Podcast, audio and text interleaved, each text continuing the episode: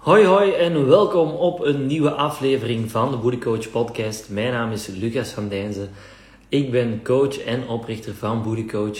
En in de live, in de podcast van vandaag, ga ik het hebben over wat, hoe werkt een koolhydraatarm dieet? Op welke manier zit dat in elkaar? Um, waarom ziet je snel resultaat? Wat zijn de nadelen ervan? En waarom ben ik er geen voorstander van? Dat is eigenlijk heel kort samengevat waar ik het juist over ga hebben. Waarom? Omdat ik er regelmatig vragen over krijg. Ik zie er ook heel veel van verschijnen en ik wil dat gewoon even heel duidelijk toelichten.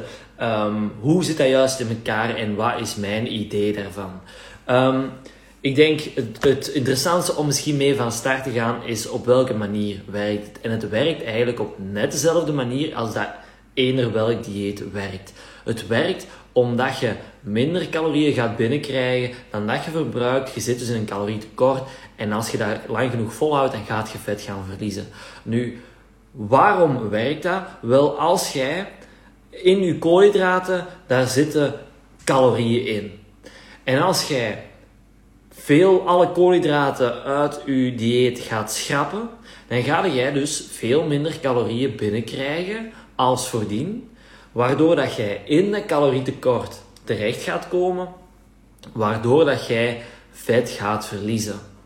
Nu, heel wat mensen, heel wat dames ervaren heel vaak snel resultaat op de weegschaal als ze met een koolhydraatarm dieet starten. En hoe komt dat nu? Dat is niet, voor alle duidelijkheid, dat is geen vet dat jij heel snel aan het verliezen bent. Het is niet omdat jij koolhydraten gaat schrappen uit dieet, dat je heel snel vet gaat verliezen. Je gaat heel snel um, gewicht verliezen, maar dat is geen vet. Wat is dat dan wel? Wel, dat is gewoon puur vocht.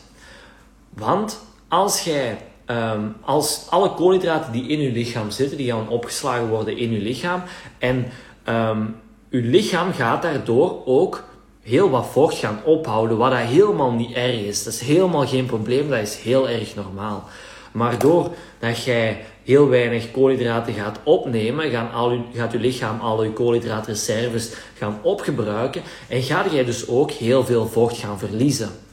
Daardoor gaat jij zien dat jij in het begin, als je start met zo'n koolhydraatarm dieet, dat je heel veel gewicht gaat verliezen. Maar let op, dat is geen vet, dat is voornamelijk vocht. Je gaat er zeker en vast ook vet mee kunnen gaan verliezen, doordat je gewoon in een calorietekort zit en op die manier vet gaat kunnen verliezen. Maar wat is een van de grote valkuilen dat erbij kan komen, is dat jij ook heel weinig energie gaat hebben. Want je koolhydraten, dat is je nummer 1 brandstof in je lichaam. En als jij die gaat vermijden, dan gaat je veel minder energie hebben. Um, niet alleen doorheen een dag, maar heel vaak ook tijdens je trainingen gaat jij merken dat jij veel minder fit bent. En kan het ook zelfs zijn dat je veel minder snel gaat herstellen na je trainingen. Dus dat is wel een heel erg belangrijke kanttekening dat we erbij moeten gaan maken. Je koolhydraten, dat is de brandstof, dat is de nummer 1 brandstof in je lichaam. En als je die allemaal gaat vermijden, dan gaat je dus veel minder brandstof hebben, veel minder energie hebben. Nu, wat als je stopt met zo'n koolhydraatarm dieet. Want heel veel koolhydraten, dat zijn ook vaak de lekkere dingen in het leven. Ik denk aan brood, pasta, pizza, noem maar op. Um, frietjes, whatever. Um, en oké, het kan... Je kunt het even volhouden. En voor sommige mensen werkt dat kei goed. Blijf het zeker doen. Maar voor heel wat mensen is dat geen manier waarop dat je de rest van je leven gaat kunnen blijven leven. Wat als je ermee stopt? Wel, dan weet je nog altijd niet wat een goede balans is in je voedingspatroon. Dan heb je nog altijd niet ontdekt wat een goede manier is om met je voeding om te gaan en daar een goede balans in te vinden om de resultaten dat je daarmee gaat boeken voor de rest van je leven vol te houden. En daarnaast gaat je lichaam ook opnieuw veel meer vocht gaan bijhouden. Dus gaat dat, licht, dat cijfer op de weegschaal opnieuw enorm naar boven gaan. En dan gaat je pas zien wat het echte resultaat is van vet dat je hebt verloren, wat dat je daarmee hebt geboekt.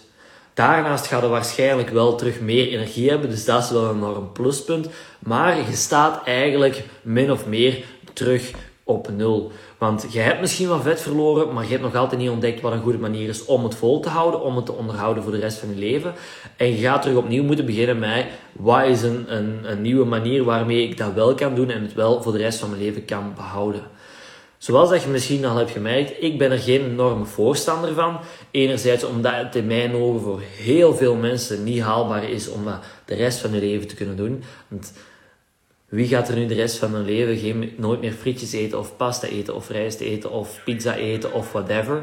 Um, daarnaast heb je om goed te trainen, om goed te herstellen, ook die koolhydraten nodig. Niet alleen bij krachttraining, maar ook bij cardiotraining of voor wandelen, noem maar op. Je hebt die brandstof nodig. Je hebt dat nodig als energie, uh, ook om fitter te worden enzovoort.